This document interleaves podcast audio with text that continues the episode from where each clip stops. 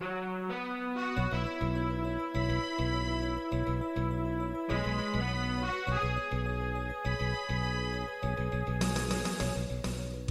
listening to Radio Free Asia. The following program is in Khmer.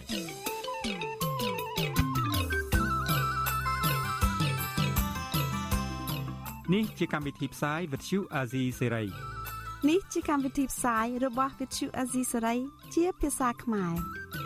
វិទ្យុអាស៊ីសេរីសូមស្វាគមន៍លោកអ្នកនាងទាំងអស់ពីរដ្ឋធានី Washington នៃសហរដ្ឋអាមេរិកចាប់ពីរដ្ឋធានី Washington នាងខ្ញុំម៉ៅសុធានីសូមជម្រាបសួរលោកអ្នកស្ដាប់ទាំងអស់ជាទីមេត្រីចាយើងខ្ញុំសូមជូនការផ្សាយសម្រាប់ព្រឹកថ្ងៃពុធ14កើតខែបុស្សឆ្នាំថោះបញ្ញស័កពុទ្ធសករាជ2567ហើយដល់ត្រូវនៅថ្ងៃទី24ខែមករាគ្រិស្តសករាជ2024 ជាដំបូងនេះសូមអញ្ជើញលោកអ្នកនាងកញ្ញាស្ដាប់ព័ត៌មានប្រចាំថ្ងៃដែលមានមេត្តាដូចតទៅអ្នកជំនាញសារព័ត៌មានថារដ្ឋាភិបាលគួរធានាឲ្យមានលំហសេរីភាពចំពោះអ្នកសារព័ត៌មានឯករាជ្យគណៈបកកម្លាំងជាតិថ្នាក់ជួបគណៈបកភ្លើងទៀនដើម្បីជជែករឿងបោះឆ្នោតប្រតិភិប រដ្ឋថ្នាក់រដ្ឋាភិបាលរឹតបន្តឹងការផ្សព្វផ្សាយគ្រឿងស្រវឹងដើម្បីកាត់បន្ថយគ្រោះថ្នាក់ចរាចរណ៍ជនជាតិដើមភាគតិចគួយនៅខេត្តព្រះវិហារអះអាងថាអ្នកមានអំណាចបន្តឈូសឆាយផលដំណាំ និងព្យាយាមប្រើហិង្សាទៅលើពួកគាត់ រួមនឹងព័ត៌មាន សំខាន់សំខាន់មួយចំនួនទៀតចាត់ ជាបន្តទៅទៀតនេះនាងខ្ញុំម៉ៅសុធានីសូមជូនព័ត៌មានទាំងនោះពឺស្ដាប់ចាលោកនាងជាទីមេត្រីអ្នកជំនាញសារព័ត៌មានថាដរាបណារដ្ឋាភិបាលមិនធានាឲ្យមានភាពស្មើគ្នា ចំពោះអ្នកសារព័ត៌មានឯករាជ្យនោះសារព័ត៌មាននឹងមិនអាចចូលរួមលើកកម្ពស់លទ្ធិប្រជាធិបតេយ្យបាននោះឡើយការលើកឡើងនេះគឺជាការឆ្លើយតបទៅនឹងលោកនាយករដ្ឋមន្ត្រីហ៊ុនម៉ាណែត ដែលលើកឡើងថាវិស័យសារព័ត៌មានដើរតួដ៏សំខាន់ក្នុងការលើកកម្ពស់លទ្ធិប្រជាធិបតេយ្យនិងនីតិរដ្ឋចាប់ពីរដ្ឋធានី Washington លោកមានរដ្ឋាភិការព័ត៌មាននេះ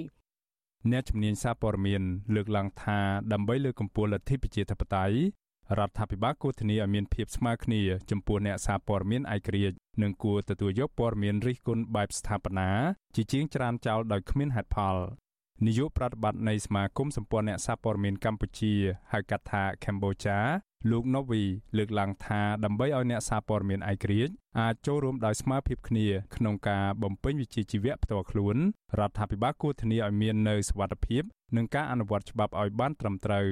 លោកបន្តថាដើម្បីលើកកម្ពស់វិស័យសារព័ត៌មានរដ្ឋាភិបាលក៏ត្រូវបញ្ចប់វប្បធម៌នីតិរដ្ឋភាពតាមរយៈការចាប់ជនដៃដល់ដែលបានសម្លាប់ ឬគំរាមកំហែងទៅលើអ្នកសារព័ត៌មានកាលពីពេលកន្លងទៅ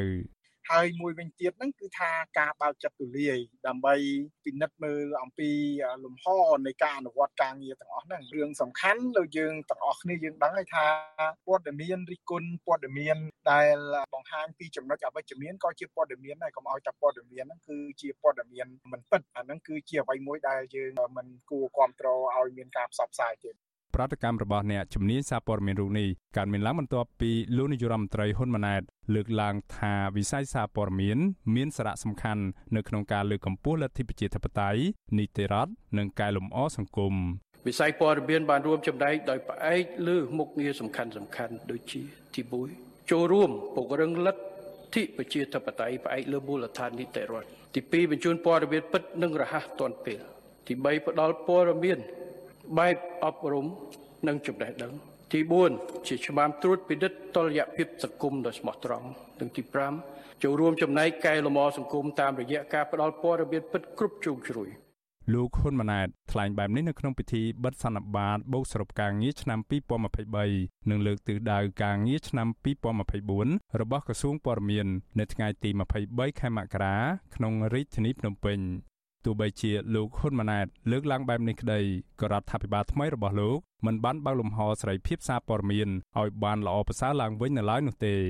ជាក់ស្ដែងកាលពីពេលថ្មីថ្មីនេះអ្នកជំនាញកសិកម្មលោកនីណាត្រូវបានរដ្ឋមន្ត្រីក្រសួងកាងារលោកហេងសួរដែលជាមនុស្សចំណិតរបស់លោកហ៊ុនម៉ាណែតប្តឹងពីបទបរិហាកេនិងញុះញង់ហើយត្រូវបានតុលាការបញ្ជូនយកទៅឃុំខ្លួននៅពន្ធនាគារព្រៃសរដោយសារតែលោកហ៊ាននិយាយរិះគន់អំពីការលើកឡើងរបស់លោកហេងសួរដែលអះអាងថានៅកម្ពុជា មានអត្រាអ្នកមានការងារធ្វើជាង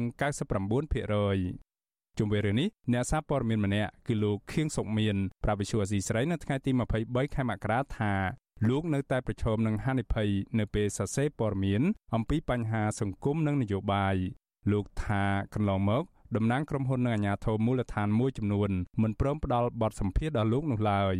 លោកខៀងសុកមានបន្តថាដើម្បីឲ្យវិស័យសារព័ត៌មានលើកកម្ពស់លទ្ធិប្រជាធិបតេយ្យបានលុះត្រាតែរដ្ឋាភិបាលបើកចិត្តឲ្យទូលាយទទួលយកព័ត៌មានពិតអំពីបញ្ហាសង្គមនិងចាត់វិធានការដោះស្រាយជាបន្ទាន់ដល់ប្រជាពលរដ្ឋរងគ្រោះជាជាងទទួលបានព័ត៌មានរួចហើយតែគ្មានដំណោះស្រាយ ការណាប្រព័ន្ធតឡាការគាត់អត់មានឯករាជ្យភាពអញ្ចឹងវាធ្វើឲ្យអ្នកអាសែតងាយនឹងរងគ្រោះរដ្ឋាភិបាលគួរតែពង្រឹងទៅលើបណ្ណៃទាំងអស់ហ្នឹងដើម្បីឲ្យអ្នកអាសែតមានសិទ្ធិសេរីភាពពេញលេញហ៊ាននៅក្នុងការសរសេរអត្ថបទពាក់ព័ន្ធជាមួយនឹងអត្ថបទផ្សេងផ្សេងឧទាហរណ៍ថាដូចជារឿងនយោបាយឬគឺអង្កេតការជួញដូរមនុស្សឬក៏បទល្មើសអីផ្សេងផ្សេងដែលជាបទល្មើសធំធំដែលធ្វើឲ្យបំផ្លាញសង្គម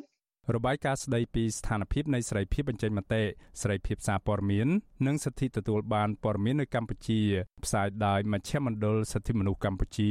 ឬហៅកាត់ថា CCHR កាលពីថ្ងៃទី22ខែវិច្ឆិកាបង្ហាញថាយ៉ាងហោចណាស់សកម្មជនសិទ្ធិមនុស្សប្រមាណ100នាក់និងអ្នកសារព័ត៌មានចំនួន16នាក់បានរងនឹងការបំផិតបំភ័យតាមរយៈការប្រើប្រាស់យន្តការតឡាការការគំរាមកំហែងអ្នកដែលហ៊ានបញ្ចេញមតិរិះគន់រដ្ឋាភិបាលរបាយការណ៍ស្រាវជ្រាវនេះបានស្នើឲ្យរដ្ឋាភិបាលពន្យាការអនុម័តច្បាប់ស្តីពីសិទ្ធិទទួលបានព័ត៌មាន លុបចោលច្បាប់ស្តីពីវិសោធនកម្មការបោះឆ្នោតនិងស្នើឲ្យដោះលែងអ្នកសារព័ត៌មាននិងសកម្មជនសិទ្ធិមនុស្សដែលកំពុងជាប់ពន្ធនាគារដោយសារតែការអនុវត្តសិទ្ធិសេរីភាពនៃការបញ្ចេញមតិរបស់ពួកគេខ្ញុំបានមេរិត Visual Asia ស្រីពីរដ្ឋធានី Washington ចាលោកនានីជាទីមេត្រីពាក់ព័ន្ធនឹងគ្រោះថ្នាក់ចរាចរណ៍វិញ ដែលបណ្ដាមានមនុស្សស្លាប់ជាបន្តបន្ទាប់ផ្ទួនផ្ទួនគ្នាក្រមយុវជននិងប្រជាប្រដ្ឋមួយចំនួន ប្រតិកម្មលើការផ្សព្វផ្សាយគ្រឿងស្រវឹងដោយជំរុញរដ្ឋាភិបាលបញ្ញាប់ដោះស្រាយបញ្ហានេះចាសសេចក្តីរាយការណ៍ពុស្ដាមពីរឿងនេះលោកដានៀងនឹងបានស្ដាប់នាពេលបន្តិចទៀតនេះចាលោកដានៀងកញ្ញាជាទីមេត្រីដំណើរគ្នានឹងស្ដាប់ការផ្សាយរបស់វិទ្យុអសីស្រី តាមបណ្ដាញសង្គម Facebook YouTube និង Telegram លោកតានាងក៏អាចស្ដាប់ការផ្សាយរបស់យើងតាមរយៈរលកធាតុអាកាសខ្លីឬ short wave តាមកម្រិតនិងកម្ពស់ដូចតទៅចាប់ពីព្រឹកចាប់ពីម៉ោង5កន្លះដល់ម៉ោង6កន្លះតាមរយៈប៉ុស SW 93.90 MHz ស្មើនឹងកម្ពស់ 32m និងប៉ុស SW 11.85 MHz ស្មើនឹងកម្ពស់ 25m ចាសម្រាប់ពេលយប់វិញ គឺចាប់ពីម៉ោង7កន្លះដល់ម៉ោង8កន្លះគឺតាមរយៈប៉ុស SW 93.30 MHz ស្មើនឹងកម្ពស់ 32m ប៉ុស SW 11.88 MHz ស្មើនឹងកម្ពស់ 25m និងប៉ុស SW 15.15 MHz ស្មើនឹងកម្ពស់ 20m ចាសសូមអរគុណចាលោកនានីជាទីមេត្រីនៅឯប្រទេសអូស្ត្រាលីនៅវិញពជាសហគមន៍ខ្មែរនៅអូស្ត្រាលី កំពុងចាប់ផ្ដើមធ្វើយុទ្ធនាការជាបណ្ដាបណ្ដាដើម្បីត្រៀមធ្វើបាតកម្មទ្រង់ទ្រាយធំ ប្រឆាំងវត្តមានលោកហ៊ុនម៉ាណែតដែលនឹងទៅចូលរួម ក្នុងកិច្ចប្រជុំកម្ពុជាអាស៊ានអូស្ត្រាលី នៅដើមខែមីនាខាងមុខពួកគាត់អះអាងថាការធ្វើបាតកម្មនេះដោយសារតែលោកហ៊ុនម៉ាណែតមិនបានដឹកនាំប្រទេស តាមគន្លងប្រជាធិបតេយ្យត្រឹមត្រូវនោះឡើយដោយបន្តបំបត្តិសិទ្ធិសេរីភាពប្រជាពលរដ្ឋនិងចាប់ឃុំខ្លួនអ្នករិះគន់និងអ្នកនយោបាយបពប្រឆាំងតាមតែអំពើចិត្ត ប៉ុន្តែអ្នកនាំពាក្យគណៈបកកណ្ដាលអំណាចវិញ ថាការធ្វើបដកម្មនេះมันអាចធ្វើឲ្យរដ្ឋាភិបាលបដូរគោលជំហររបស់ខ្លួននោះឡើយចាលោកថាថៃរិកាព័ត៌មាននេះតំណាងសហគមន៍ខ្មែរនិងតំណាងអង្គការនានាព្រមទាំងមន្ត្រីគណៈបកប្រឆាំងប្រចាំប្រទេសអូស្ត្រាលីបានជួបជជែកគ្នាជាបន្តបន្ទាប់ដើម្បីផ្លាស់ប្តូរយោបល់គ្នាសម្រាប់ត្រៀមធ្វើបាតុកម្មប្រឆាំងវត្តមានលោកហ៊ុនម៉ាណែតដែលក្រុងមកចូលរួមកិច្ចប្រជុំកំពូលអាស៊ានអូស្ត្រាលី នៅទីក្រុងមែលប៊នចាប់ពីថ្ងៃទី4ដល់ថ្ងៃទី6ខែមិនិនាប្រធានចលនាស្ត្រីរបស់គណៈបកភ្លើងទៀនប្រចាំប្រទេសអូស្ត្រាលីនិងនូវែលសេឡង់អ្នកស្រីស៊ីមអេងបានថ្លែងសារអំពាវនាវឲ្យប្រជាពលរដ្ឋខ្មែរនៅប្រទេសអូស្ត្រាលីចូលរួមកិច្ចប្រជុំមួយនៅរសៀលថ្ងៃទី28ខែមករាដើម្បីពិគ្រោះយោបល់គ្នារៀបចំបាតុកម្មប្រឆាំងវត្តមានលោកហ៊ុនម៉ាណែតនៅដើមខែមិនិនាខាងមុខ យើងពិគ្រោះយោបល់អំពីរឿងបដកម្មនៅខែ3ចាដូច្នេះហើយសង្ឃឹមថាបងប្អូននឹងចូលរួមអញ្ជើញជួយឲ្យយោបល់ឬក៏ពិគ្រោះគ្នាថាត្រូវធ្វើយ៉ាងម៉េចអីយ៉ាងម៉េចបងប្អូនមានយោបល់អីល្អល្អជួយផ្ដល់យោបល់ឲ្យពួកយើងខ្ញុំទាំងអស់គ្នា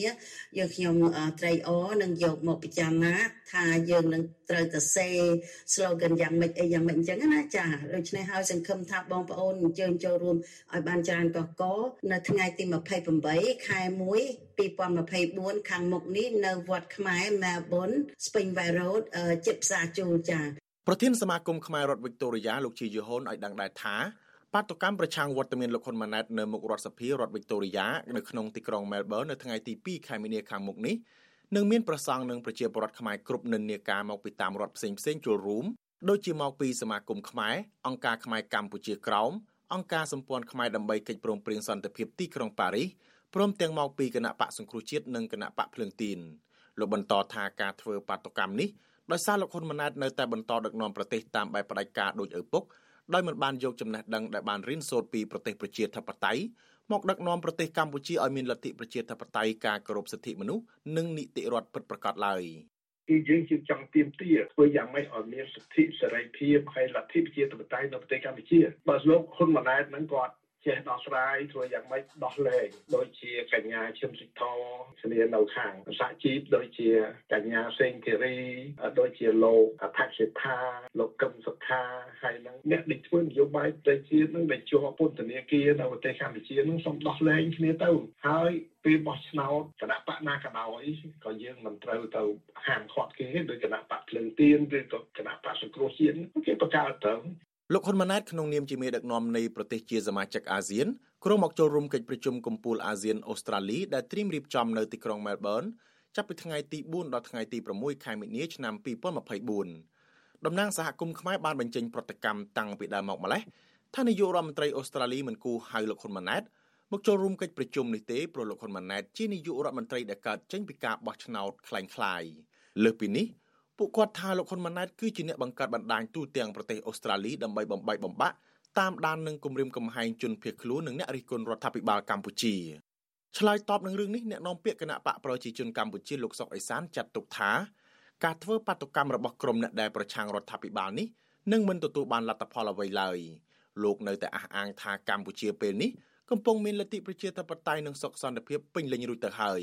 ឲ្យគាត់បន្តតទៀតតែពេលណាវត្តមានរបស់ប្រមុខរាជរដ្ឋាភិបាលនៅអូស្ត្រាលីគាត់ធ្វើទៅឥឡូវយើងចាំមើលទាំងអស់គ្នាបងឯងនៅអូស្ត្រាលីស្រាប់ហើយឥឡូវចាំមើលទៅទួបានលទ្ធផលអីខ្លះបើហុចលទ្ធផលអីខ្លះឲ្យពួកគាត់ឥឡូវដល់ថ្ងៃក្រោយគេទៅជប៉ុនទៅអីទៀតអានឹងសួរថាតើតើបានលទ្ធផលអីខ្លះនៅជប៉ុនឥឡូវប្រហែលថ្ងៃខាងមុខនេះលោកនឹងអញ្ជើញទៅថៃ ហើយនៅថៃត្រៀមធ្វើបាតកម្មទៀតហើយតើបាតកម្មនឹងបានទៅខ្លះអញ្ចឹងរដ្ឋាភិបាលមិនបដូរចំហទេអារម្មណ៍មិនស្ដាប់កង្វល់របស់ពួកគាត់នៅក្រៅប្រទេសមានបដូរចំហទេនយោបាយរបស់គណៈបកឈ្នះឆ្នោតគឺអនុវត្តតាមកម្មវិធីនយោបាយរបស់គណៈបកឈ្នះឆ្នោតគេមិនយកកម្មវិធីនយោបាយរបស់ពួកចាញ់ឆ្នោតយកមកជេរទេចាប់តាំងពីឡើងកាន់អំណាចបន្តពីឪពុកមកលោកហ៊ុនម៉ាណែតហាក់មិនបានយកចិត្តទុកដាក់ស្ដាប់និងដោះស្រាយក្តីកង្វល់របស់ប្រជាពលរដ្ឋខ្មែរទាំងក្នុងប្រទេសនិងក្រៅប្រទេស ដែលចង់ឃើញប្រទេសកម្ពុជាមានលទ្ធិប្រជាធិបតេយ្យនិងការគោរពសិទ្ធិមនុស្សព្រមទាំងដោះលែងអ្នកទោសនយោបាយនោះទេផ្ទុយទៅវិញរដ្ឋាភិបាលថ្មីនេះកាន់តែផ្កើនដោយបង្ក្រាបឥតឈប់ឈរលើអ្នករិះគន់និងអ្នកនយោបាយបកប្រឆាំងហើយតែងតែប្រើគ្រប់វិធីទាំងការលួងលោមការចំណាយលុយដែលរកបានពីភាពមិនប្រក្រតីនិងការប្រើអំណាចមិនត្រឹមត្រូវដើម្បីរៀបចំកម្មវិធីសបាយសបាយនៅក្នុងប្រទេសអ្នកមានការទិញទឹកចិត្តនិងការដាក់សម្ពាធផ្សេងផ្សេងឲ្យប្រជាពលរដ្ឋនិងនិស្សិតខ្មែរនៅក្រៅប្រទេស ប្រកាសគាំទ្រនឹងចូលរួមស្វាគមន៍លោកហ៊ុនម៉ាណែតពេលលោកចេញក្រៅប្រទេសម្ដងម្ដងដើម្បីថតដាក់ទូរទស្សន៍បង្អួតអ្នកស្រុកខ្មែរទោះជាយ៉ាងណាទង្វើទាំងនេះមិនបានបំបាក់ទឹកចិត្តនិងស្មារតីរបស់ប្រជាពលរដ្ឋខ្មែរដែលជឿឆ្អាលរឿងសង្គមជាតិនោះទេពលរដ្ឋខ្មែររស់នៅទីក្រុងមែលប៊នម្នាក់គឺកញ្ញាសានសេរីដាប្រាប់វិទ្យុអាស៊ីសេរីថាកញ្ញានឹងទៅចូលរួមបាតុកម្មនៅថ្ងៃទី2ខែមិនិនាដើម្បីទាមទារឲ្យលោកហ៊ុនម៉ាណែតស្ដារប្រជាធិបតេយ្យនិងការគោរពសិទ្ធិមនុស្សឡើងវិញ ដើម្បីឈានទៅរកការផ្សះផ្សាជាតិដែលកំពុងបែកបាក់ធ្ងន់ធ្ងរក្នុងនាមខ្ញុំជាខ្មែរមួយរូបខ្ញុំនឹងចូលរួមដើម្បីទាមទារឲ្យរដ្ឋាភិបាលដែលឡើងតាមជើងថោឪពុកនឹងដែលមានដំណោះស្រាយជូនប្រជាពលរដ្ឋខ្មែរដូចជា ផ្នែកនយោបាយហើយនឹងសូមឲ្យដោះលែងអ្នកទោសនយោបាយណាបងហើយសូមឲ្យគោរពសិទ្ធិមនុស្សហើយធ្វើយ៉ាងណាឲ្យមានការផ្សះផ្សាជាតិប្រធានសមាគមខ្មែរលោកជាយហូនឲ្យដឹងថាក្រៅពីស្រែកបាតុកម្មនៅខាងមុខរដ្ឋសភាហើយនោះ ពួកលោកក៏នឹងដាក់ញត្តិទៅរដ្ឋាភិបាលអូស្ត្រាលីដែរដើម្បីស្នើឲ្យដាក់សម្ពាធទៅលោកហ៊ុនម៉ាណែតឲ្យគោរពនិងអនុវត្តតាមកិច្ចព្រមព្រៀងសន្តិភាពទីក្រុងប៉ារីសដើម្បីបំពេញបំណងប្រាថ្នារបស់ប្រជាពលរដ្ឋខ្មែរដែលចង់បានលទ្ធិប្រជាធិបតេយ្យការគោរពសិទ្ធិមនុស្សនិងសុខសន្តិភាពពិតប្រាកដខ្ញុំថាថៃពីទីក្រុងមែលប៊នចាលោកនាងកញ្ញាជាទីមេត្រីមេដឹកនាំគណៈបកកម្លាំងជាតិបានដាក់លិខិតសុំជួបប្រធានគណៈបកភ្លើងទៀន ដើម្បីជជែករឿងបែងចែកមណ្ឌលភូមិភាគដើម្បីចូលឈ្មោះបោះឆ្នោតប្រតិភិននៅចុងខែកុម្ភៈខាងមុខឆ្លើយតបដំណើរនេះអតីតមន្ត្រីជាន់ខ្ពស់គណៈបកភ្លើងទៀនថាគណៈបកភ្លើងទៀននឹងចេញលិខិតមួយច្បាប់ ដើម្បីឆ្លើយតបទៅនឹងគណៈបកកម្លាំងជាតិចាលោកទីនសាករាយារាយការណ៍ព័ត៌មាននេះគណៈបកកម្លាំងជាតិបានដាក់លិខិតស្នើសុំជួបគណៈបកភ្លើងទៀននៅពេលនេះពីព្រោះគណៈបកនេះយល់ថានេះជាតម្រូវការចាំបាច់ ដើម្បីរក្សាប្រយោជន៍រួមប្រធានគណៈបកកម្លាំងជាតិលោកសុនចន្ទធីប្រាប់ទៅប្រធានគណៈបកភ្លឹងទៀនលោកទាវណ្ណុលអំពីការស្នើសុំជួបជជែកគ្នានេះគឺឈលលើឧត្តមប្រយោជន៍ប្រជាពលរដ្ឋនិងប្រទេសជាតិជាការសំខាន់ពិសេសដើម្បីរក្សាចំនួនអាសនៈប្រសិទ្ធភាពកុំឲ្យបាត់បង់ទៅគណៈបកនយោបាយផ្សេងលិខិតរបស់គណៈបកកម្លាំងជាតិចុះកាលពីថ្ងៃទី22ខែមករាតែទើបតែផ្សព្វផ្សាយនៅថ្ងៃទី23មករានេះគឺស្នើទៅលោកទាវណ្ណុល ឲ្យពិនិត្យលទ្ធភាពឲ្យមានការជួបពិភាក្សាគ្នានេះដើម្បីជជែកគ្នាត្រង់ទៅត្រង់មក រកដំណោះស្រាយដោយតម្កល់ផលប្រយោជន៍រួមរបស់ប្រជាពលរដ្ឋនិងប្រទេសជាតិជាការសំខាន់បន្ថែមពីនេះទីប្រឹក្សាគណៈបកកម្លាំងជាតិលោករងឈុនប្រាប់វិទ្យុអាស៊ីសេរីនៅថ្ងៃទី23មករាថានេះជាលិខិតលើកទី1របស់គណៈបកកម្លាំងជាតិស្នើជួបប្រធានគណៈបកភ្លឹងទៀនលោកបន្តថាបើសិនជាជំនុំនេះអាចកើតឡើង ដែលឈានដល់ការចរចារោគដំណោះស្រាយរួម គឺគណៈបកទាំងពីរអាចរក្សាអាសនៈចំនួន8ភូមិភាគបានដដែលដែលក្រុងនឹងទទួលបានក្នុងការបោះឆ្នោតប្រសិទ្ធភាពខាងមុខនេះលោករងឈុនរំពឹងថាគណៈបកភ្លើងទៀននឹងបើកឱកាសឲ្យមានជំនួបនេះកើតឡើងការដែលយើងដាក់ចំជួបប្រជែកដើម្បីរក្សានៅអាសនៈក៏ដូចជា ការរក្សានៅថាផលប្រយោជន៍ប្រជាពលរដ្ឋផលប្រយោជន៍ជាតិក្នុងការចូលរួមការពារនៅរដ្ឋស្ថាប័នរដ្ឋហើយក៏ស្របទៅតាមការចង់បាន របស់សង្គមស៊ីវិលក៏ដូចជាសកម្មជន នៅថ្នាក់ក្រោមជាតិផងដែរពួកគាត់ចង់ឃើញគណៈកម្លាំងជាតិទៅជែកជាមួយគណៈបកភ្លើងទៀនតើតើនៅរឿងនេះវិទ្យុអាស៊ីសេរីមិនអាចតតងប្រធានគណៈបកភ្លើងទៀនលោកទីវណ្ណុល ដើម្បីសំសួរអំពីបញ្ហានេះបានឡើយទេនៅថ្ងៃទី23មករាចំណែកអតីតអ្នកនាំពាក្យគណៈបកភ្លើងទៀនលោកគឹមសុភិរិទ្ធដែលចូលឈ្មោះជាបេក្ខជនបោះឆ្នោតប្រសិទ្ធភាពឲ្យគណៈបកចន្ទៈខ្មែរឆ្លើយតបថាលោកបានឃើញលិខិតនេះហើយលោកក៏ស្វាគមន៍លិខិតនេះដែរលោកបន្តថាគណៈបកភ្លើងទៀនអាចនឹងធ្វើលិខិតឆ្លើយតបទៅគណៈបកកម្លាំងជាតិវិញលោកអះអាងទៀតថាតាំងពីដើមមក លោកគឺជាអ្នកប្រយុទ្ធដើមកំណត់ឲ្យមានការបែងចែកមណ្ឌលចូលឈ្មោះសម្រាប់ការបោះឆ្នោតប្រសិទ្ធភាពនេះទោះជាយ៉ាងណាលោកបន្តថានៅពេលនេះលោកគ្មានសមត្ថកិច្ចធ្វើការលើរឿងនេះទៀតទេពីព្រោះលោកចូលឈ្មោះជាបេក្ខជនបោះឆ្នោតប្រសិទ្ធភាពរបស់គណៈបកឆន្ទៈខ្មែរទៅហើយនោះ។អា នឹងរឿងផ្សេងទៀតឯណាគេសម្រាប់មិនអានឹងរឿងរបស់ខ្ញុំខ្ញុំលូកដៃទៅមិនមែនជារឿងរឿងហៅល្អសម្រាប់ខ្ញុំទេគាត់តែកន្លងមកខ្ញុំចោះទៅធ្វើការក្នុងនាមសម្ព័ន្ធភាពផងមានអ្នកខ្លះប្រមាថប៉ុន្តែជ័យរួមទៅយើងបើយើងចង់ទុកមុខចរចាកុំចេះតែពោលពាក្យប្រមាថគ្នាទៅវិញទៅមកណាគណៈបកភ្លើងទៀនបានផ្ដល់សិទ្ធឲ្យទៅគណៈបកចន្ទៈខ្មែរដែលជាគណៈបកសម្ព័ន្ធមិត្តរបស់ខ្លួនក្នុងការចូលរួមការបោះឆ្នោតប្រសិទ្ធភាពនៅថ្ងៃទី25កុម្ភៈខាងមុខនេះ ក្រោយពីគណៈបកនេះត្រូវបានកោជបរារាំងមិនឲ្យចូលរួមការបោះឆ្នោតកាលពីឆ្នាំ2023កន្លងទៅអ្នកខ្លោមើលការបោះឆ្នោតលើកឡើងថាគណៈបកភ្លើងទៀនដែលមានសមាជិកឃុំសង្កាត់ជាង2000អាសនៈដែលសមាជិកក្រុមរក្សាទាំងនេះជាអង្គបោះឆ្នោតប្រសិទ្ធភាពហើយបើសិនជាគណៈបកភ្លើងទៀននិងគណៈបកកម្លាំងជាតិនៅតែប្រឹងដណ្ដើមអង្គបោះឆ្នោតនេះដោយគ្មានការជជែកគ្នា គឺអាចឲ្យគណៈបកទាំងពីរមានមានចំនួនអង្គបោះឆ្នោតគ្រប់ ដោយសារតែអង្គបោះឆ្នោតបានបែងចែកគ្នា ហើយអាសនៈប្រសិទ្ធិគឺអាចបានទៅលើគណៈបកកណ្ដាលអំណាចជំវិញរឿងនេះដែរប្រធានអង្គការសម្ព័ន្ធភាពការពារសិទ្ធិកម្ពុជាហកថាច្រាក់លោករុសុថាជំរុញឲ្យគណៈបកនយោបាយកុំគិតពីប្រយោជន៍បកពេកតែគួរតែគិតពីផលប្រយោជន៍ជាតិជាធំលោកបន្តថាបើសិនជាគណៈបកទាំងពីរស្វែងរកការចរចាគ្នាមិនបានទេនឹងមិនអាចផ្ដល់ក្តីសង្ឃឹមដល់ប្រជាពលរដ្ឋថាពួកគេគឺជាគណៈបកនយោបាយ ដែលអាចរួមគ្នាស្ដារប្រជាធិបតេយ្យនៅកម្ពុជាបានឡើយ។សួរថាតើយើងហ៊ានលះបង់អីប៉ុណ្ណាអីប៉ុណ្ណាបើសិនតែយើងមិនហ៊ានលះបង់ទេយើងមិនអាចធ្វើនយោបាយបានទេព្រោះបញ្ហាសារភាពកម្ពុជាត្រូវការដែលមានសេរីប្រាជ្ញាចិត្តខ្ពង់ខ្ពស់ណាអញ្ចឹងគាត់ថាយើងមួយចែកជា2ចែក3ហើយបើបែកខ្ទេចទៀតទៅវាទៅលែងមានតម្ងន់វាទៅជាក្របខួសស្រាលវិញណាគណៈបកកម្លាំងជាតិធ្លាប់បានផ្ដាល់ជំរើសទៅគណៈបកភ្លើងទៀន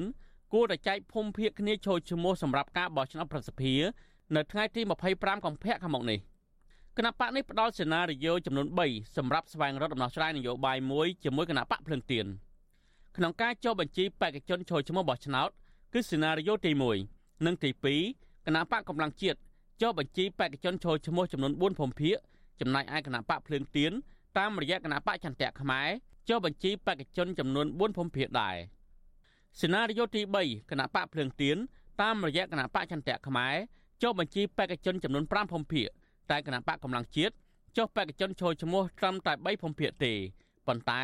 នៅពេលបោះឆ្នោតក្រុមប្រឹក្សារាជធានីខេត្តក្រុងស្រុកខណ្ឌគឺគណៈបកកម្លាំងជាតិចុះបញ្ជីបេក្ខជនចូលឈ្មោះចំណែកឯគណៈបកភ្លើងទៀនតាមរយៈគណៈបកឆន្ទៈខ្មែរពុំដាក់បញ្ជីចុះឈ្មោះបេក្ខជនចូលឈ្មោះសម្រាប់ការបោះឆ្នោតនេះឡើយទោះជាយ៉ាងណាគណៈបកភ្លើងទៀនមិនទាន់ផ្ដល់សញ្ញាវិជ្ជមាន នៃការបែងចែកកន្លែងគ្នាចូលឈ្មោះបោះឆ្នោតនេះនៅឡើយទេខ្ញុំបាទទីនសាការីយ៉ាអស៊ីសេរីប្រធានាធិបតី Washington ចាលោកអ្នកស្ដាប់ទទីមេត្រីពាក់ព័ន្ធនឹងសកម្មជនបពប្រឆាំងដែលកំពុងជាប់ឃុំប្រពន្ធសកម្មជនបពប្រឆាំងធ្វើនំលក់ដើម្បីដោះស្រាយជីវភាពគ្រួសារគណៈប្តីកំពុងជាប់ឃុំ នៅក្នុងពន្ធនាគារទាំងអយុត្តិធម៌មន្ត្រីឃ្លាំមើលសិទ្ធិមនុស្សយល់ឃើញថាតឡាការគួរតែអនុវត្តច្បាប់ ឲ្យមានដំណាភាពនិងពិចារណាដោះលែងអ្នកជាប់ឃុំនយោបាយទាំងអស់ឲ្យមានត្រីភាពជួបជុំគ្រួសារឡើងវិញចាសសេចក្តីរាយការណ៍ពឹស្ដាអំពីរឿងនេះលោកណានៀងក៏នឹងបានស្ដាប់នាពេលបន្តិចទៀតនេះ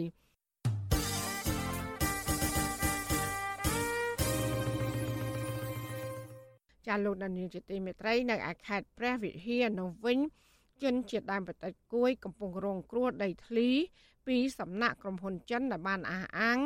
ថាបុគ្គលមានលុយមានអំណាចម្នាក់បានដាក់គ្រឿងចាក់ឈូសឆាយដីស្រែចម្ការនិងផលដំណាំរបស់អ្នកភូមិហើយនឹងព្យាយាមប្រើប្រាស់ហិង្សាទៅលើបរដ្ឋនៅពេលដែលបរដ្ឋហាមឃាត់គ្រឿងចាក់មិនឲ្យឈូសឆាយចាសសូមស្ដាប់សេចក្តីរាយការណ៍របស់លោកជាតិចំណានជំវិញព័ត៌មាននេះជនជាតិដើមភាគតិចគួយជិត100គ្រួសារ ដែលរស់នៅឃុំមលូព្រៃ2ស្រុកឆែបខេត្តព្រះវិហារកំពុងបង្កបង្កើនផលចិញ្ចឹមជីវិតនៅលើផ្ទៃដីជាង800ហិកតាអះអាងថាមានបុគ្គលមានលុយមានអំណាចដាក់គ្រឿងចាក់ឈូសឆាយដីស្រែចម្ការនិងផលដំណាំរបស់ពលរដ្ឋជិត100គ្រួសារដែលពួកគាត់កំពុងអាស្រ័យផលជាប្រចាំព្រមទាំងយកត្រាក់ទ័រពុនពងដេញបុកប្រជាពលរដ្ឋថែមទៀតរីឯអាជ្ញាធរពាក់ព័ន្ធបានត្រឹមតែឈរមើលទង្វើរបស់ក្រុមឈ្មួញទៅវិញតំណាងជនជាតិដើមភាគតិចគួយលោកសឿនថា ប្រាប់វិសុវស៊ីស្រីនៅថ្ងៃទី23ខែមករាថាបុគ្គលមានលុយមានអំណាចឈ្មោះឈៀងគុណនៅហៅម៉ៅនឹងបាក់ពួកនៅតែដាក់គ្រឿងចាក់បន្តឈូសឆាយផលដំណាំដំឡូងរបស់អ្នកភូមិអស់ជាច្រើនហិកតានិងដេញបុកពលរដ្ឋនៅពេលដែលពួកគេបានហាមឃាត់មិនឲ្យឈូសឆាយផលដំណាំគណៈអាជ្ញាធរបានត្រឹមតែឈរមើលគ្រឿងចាក់ឈូសឆាយដំណាំនិងការប៉ុនប៉ងប្រាប្រាអំពើហិង្សាទៅលើពលរដ្ឋលោកចាត់ទុកទង្វើនេះជាការគំរាមកំហែងនិងការប៉ុនប៉ងប្រាប្រាអំពើហិង្សាទៅលើពលរដ្ឋស្លូតត្រង់ពីសំណាក់ក្រុមឈ្មួញ ដែលពលរដ្ឋយល់ថាបានត្រូវរើគ្នាជាមួយនឹងអាជ្ញាធរពាក់ព័ន្ធទើបឈ្មួញហ៊ានធ្វើទង្វើបែបនេះ។ទង្វើនេះវាហាក់បីដូចជាការរំលោភសិទ្ធិពួកយើងមានសិទ្ធិក្នុងការប្រើប្រាស់អាស្រ័យលើដីនោះតែពួកគាត់មកបំពេញបំពេញពួកយើងបានទាំងដេញហើយថែមនឹងព្រមអំពើហិង្សាដាក់ពួកយើងទៀតខ្ញុំថារឿងនេះវាជាអយុត្តិធម៌មួយសម្រាប់ពួកយើងខ្ញុំសំណូមពរទៅដល់អភិបាលក៏ដូចជាគណៈអភិបាលលេខខេត្តព្រះវិហារលោកមានវិធានការក៏ដូចជាចុះដោះស្រាយជូនដល់ប្រជាសហគមន៍យើងដែលរងទុក្ខលំបាកនៅក្នុងស្រុកឆេបផងដែរបងនេះមិនមែនជាលើកទី1នោះទេ ដែលអ្នកភូមិលើកគ្នាទៅហាមឃាត់ក្រុមឈ្មួញមិនឲ្យឈូសឆាយដីស្រែចម្ការធ្វើកសិកម្មរបស់ពលរដ្ឋក្រោយពីក្រុមហ៊ុនចិនហេងហ្វូបានផ្អាកដំណើរការវិសុវស៊ីស្រីមិនអាចតាក់ទងសុំការបំភ្លឺរឿងនេះពីអភិបាលស្រុកឆែបលោកឡុងសុបិននិងអភិបាលខេត្តព្រះវិហារលោកគឹមរិទ្ធីបាននៅឡើយទេនៅថ្ងៃទី23ខែមករាដោយទូរស័ព្ទហៅចូលតែគ្មានអ្នកទទួលរីឯលោកឈៀងគង់នៅហៅម៉ៅដែលពលរដ្ឋចោទថារំលោភយកដីនោះក៏វិសុអស៊ីសេរីមិនអាចតាក់ទងបានដែរនៅថ្ងៃដដែលនេះ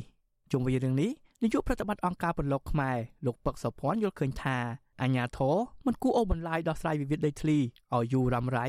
រហូតដល់មានការបង្កឲ្យមានអំពើហិង្សាទៅលើពលរដ្ឋបែបនេះនោះទេ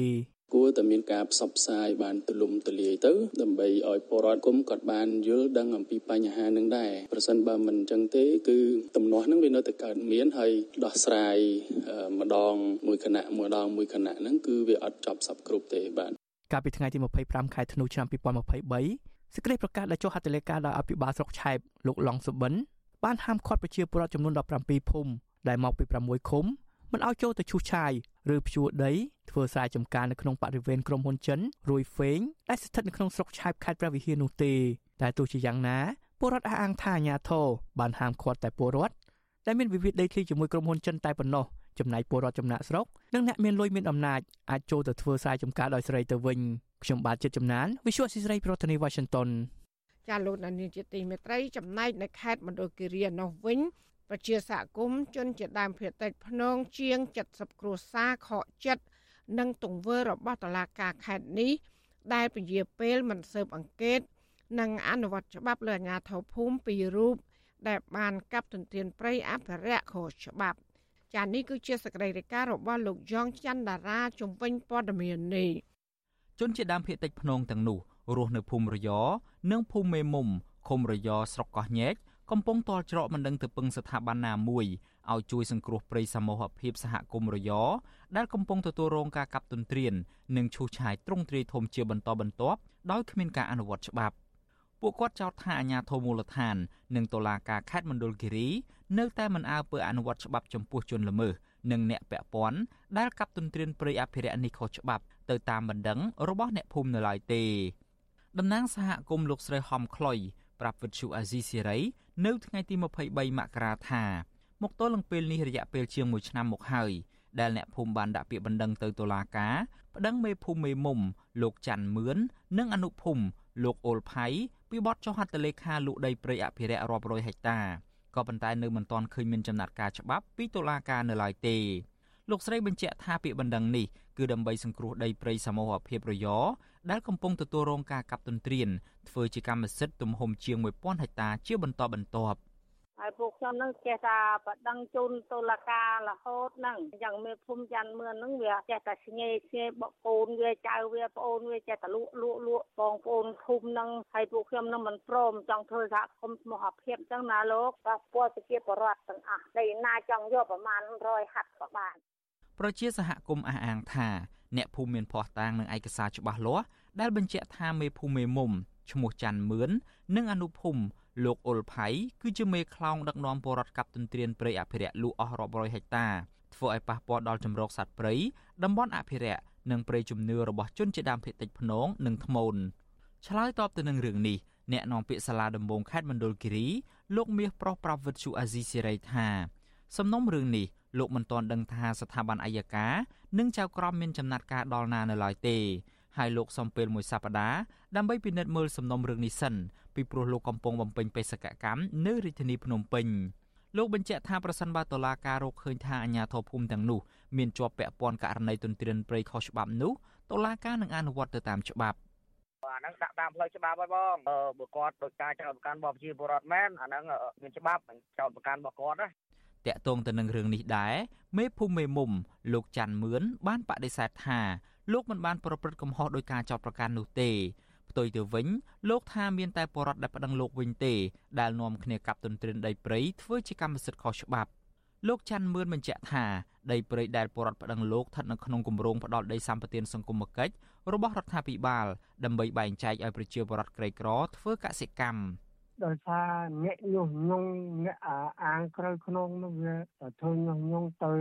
និយាយអត់ការប៉ັດនឹងចេះតែនិយាយកាប់ផ្ដេសផ្ដាស់អត់តាមការប៉ັດពួកវានឹងទេអ្នកចាប់ដីព្រៃចាប់អីនោះជុំវិញរឿងនេះដែរមន្ត្រីសម្របសម្រួលសមាគមការពារសិទ្ធិមនុស្សអាត6ប្រចាំខេត្តមណ្ឌលគិរីលោកប៊ីវ៉ានីសង្កេតឃើញថា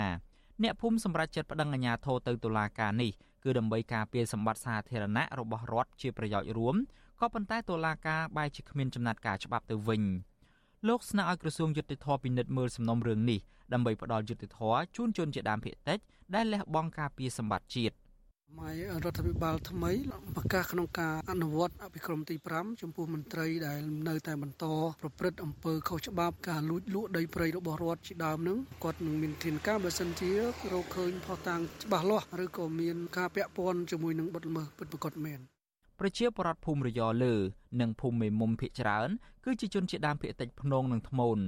រហូតមកដល់ពេលបច្ចុប្បន្ននេះអ្នកភូមិបានចុះបញ្ជីកំណត់អត្តសញ្ញាណឬចុះបញ្ជីនីតិបុគ្គលពីក្រសួងមហាផ្ទៃនិងក្រសួងអភិវឌ្ឍជនបទរួចរាល់ហើយដើម្បីបង្កើតសហគមន៍សមូហភាពផ្លូវការក៏ប៉ុន្តែពួកគាត់មិនទាន់ទទួលបានបានសមូហភាពនៅឡើយទេព្រៃសមូហភាពសហគមន៍រយមានផ្ទៃដីជិត8000ហិកតារួមមានព្រៃអភិរក្សដីព្រៃបំរុងទុក និងដីអាស្រ័យផលរបស់ប្រជាពលរដ្ឋពេលនេះព្រៃសមូហភាពសហគមន៍នេះទទួលរងការកាប់ទន្ទ្រានយ៉ាងខ្លាំងដោយមានផ្នែកខ្លះដាច់ជាកង់ជាកង់ទំហំចន្លោះពី10ហិកតាដល់ជាង100ហិកតាហើយតំបន់ខ្លះទៀតត្រូវបានគេកាប់ទន្ទ្រានឲ្យคล้ายជាវាលធំល្វឹងល្វើយអស់រាប់រយហិកតាពួកគាត់ចាត់ទុកព្រៃអភិរក្សមួយនេះគឺជាប្រភពប្រាក់កាសសម្រាប់សហគមន៍មានដីចំការវិលជុំព្រៃកប់សពនិងព្រៃអរិយដែលសហគមន៍ធ្វើពិធីសែនព្រេនជារៀងរាល់ឆ្នាំ ខ្ញុំយ៉ងច័ន្ទដារាវិទ្យុអាស៊ីសេរី Washington ចាលោកនាងជាទីមេត្រីពាក់ព័ន្ធនឹងដំណាំកស៊ូវិញក្រុមកសិករនៅបណ្ដាខេត្តមួយចំនួនបង្ខំចិត្តបោះបង់របរដាំកស៊ូរួចចំណាក់ស្រុកធ្វើការនៅក្រៅប្រទេសហើយកសិករខ្លះទៀតដើរស៊ីឈ្នួលគេយកប្រាក់ដើម្បីដោះស្រាយជីវភាពប្រចាំថ្ងៃនិងសងបំណុលធនាគារបរដ្ឋាហេតុផលដែលកសិករសម្រេចចិត្ត បោះបង់របរដាំកស៊ូនេះគឺដោយសារតែរដ្ឋាភិបាលគ្មានភាពច្បាស់លាស់ក្នុងការស្វែងរកទីផ្សារនិងកំណត់តម្លៃកៅស៊ូនៅក្នុងតម្លៃមួយសមរម្យដើម្បីជួយដោះស្រាយជីវភាពរបស់កសិករចាលោកទីនសាការីយ៉ាមានសេចក្តីរាយការណ៍ដាច់ដライមួយទៀតជំវិញព័ត៌មាននេះប្រជាកសិករតាមបណ្ដាខេត្តមួយចំនួនរិះគន់ថាគោលនយោបាយក្នុងការលើកកម្ពស់កសិករដាំកៅស៊ូកន្លងមកនេះ រដ្ឋាភិបាលបានតែនិយាយប៉ុន្តែការអនុវត្តជាក់ស្ដែង តាមរយៈការផ្ដល់កិច្ចគាំពៀនិងស្វែងរកទីផ្សារសម្រាប់កសិករនាំចេញកស៊ូក្នុងតម្លៃសមរម្យនោះគ្មានប្រសិទ្ធភាពនោះឡើយកសិករដាំកស៊ូនៅឃុំជាំក្រវៀនស្រុកមេមត់ខេត្តត្បូងឃ្មុំលោកក្លូតប៉ុនប្រាប់វិទ្យុអាស៊ីសេរីកាលពីថ្ងៃទី23មករាថា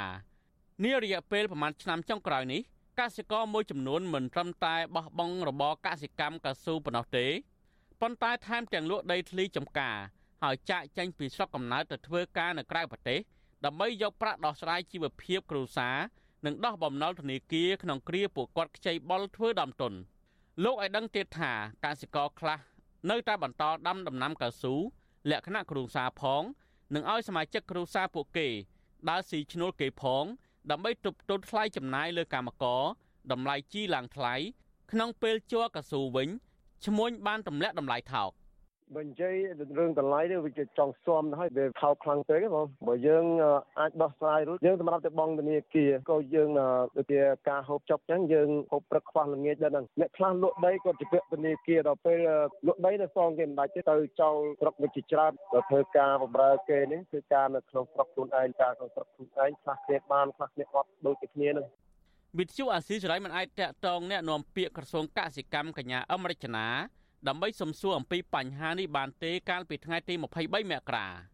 កាលពីថ្ងៃទី11មករារដ្ឋមន្ត្រីក្រសួងកសិកម្មរុក្ខាប្រមាញ់និងនេសាទលោកដិតទីណា លើកឡើងក្នុងពិធីបើកកិច្ចប្រជុំបូកសរុបលទ្ធផលការងារអនុវិស័យកៅស៊ូប្រចាំឆ្នាំ2023ណែនាំឲ្យគ្រប់ភាគីពាក់ព័ន្ធពង្រឹងការអនុវត្តអនុវិស័យកៅស៊ូឲ្យបានកាន់តែប្រសើរ ទទួលខុសត្រូវដោះស្រាយបញ្ហា និងកែលម្អគុណភាពជ័រកៅស៊ូកសិកម្មដើម្បីតម្រូវតាមស្តង់ដារក្រុមហ៊ុនផលិតសម្បកកុងឡាននៅក្នុងស្រុកក្រៅពីនេះលោកនាយរដ្ឋមន្ត្រីហ៊ុនម៉ាណែតកាលពីចុងខែវិច្ឆិកាឆ្នាំ2023អះអាងថារដ្ឋាភិបាលរបស់លោក តែងតែគិតគូរពីប្រយោជន៍ប្រជាកសិករដាំកៅស៊ូតាមរយៈការណែនាំឲ្យមន្ត្រីជំនាញចុះពង្រឹងបច្ចេកទេសដាំកៅស៊ូដល់កសិករ និងគៀកោក្រុមហ៊ុនចិនយ៉ាងហោចចំនួន4ក្រុមហ៊ុនឲ្យមកបោះទុនវិនិយោគនៅកម្ពុជាបច្ចុប្បន្នដើម្បីពង្រីកទីផ្សារជូនកសិករទោះជាយ៉ាងណាកសិករម្នាក់ទៀតរស់នៅឃុំទន្លូងស្រុកមេមត់ខេត្តត្បូងឃ្មុំ លោកហាស់ខ្យងរិះគន់ថាអ្វីដែលរដ្ឋាភិបាលតែងតែអះអាងកន្លងមកមិនឆ្លោះបញ្ចាំងពីការពិត និងខ្វះការទទួលខុសត្រូវ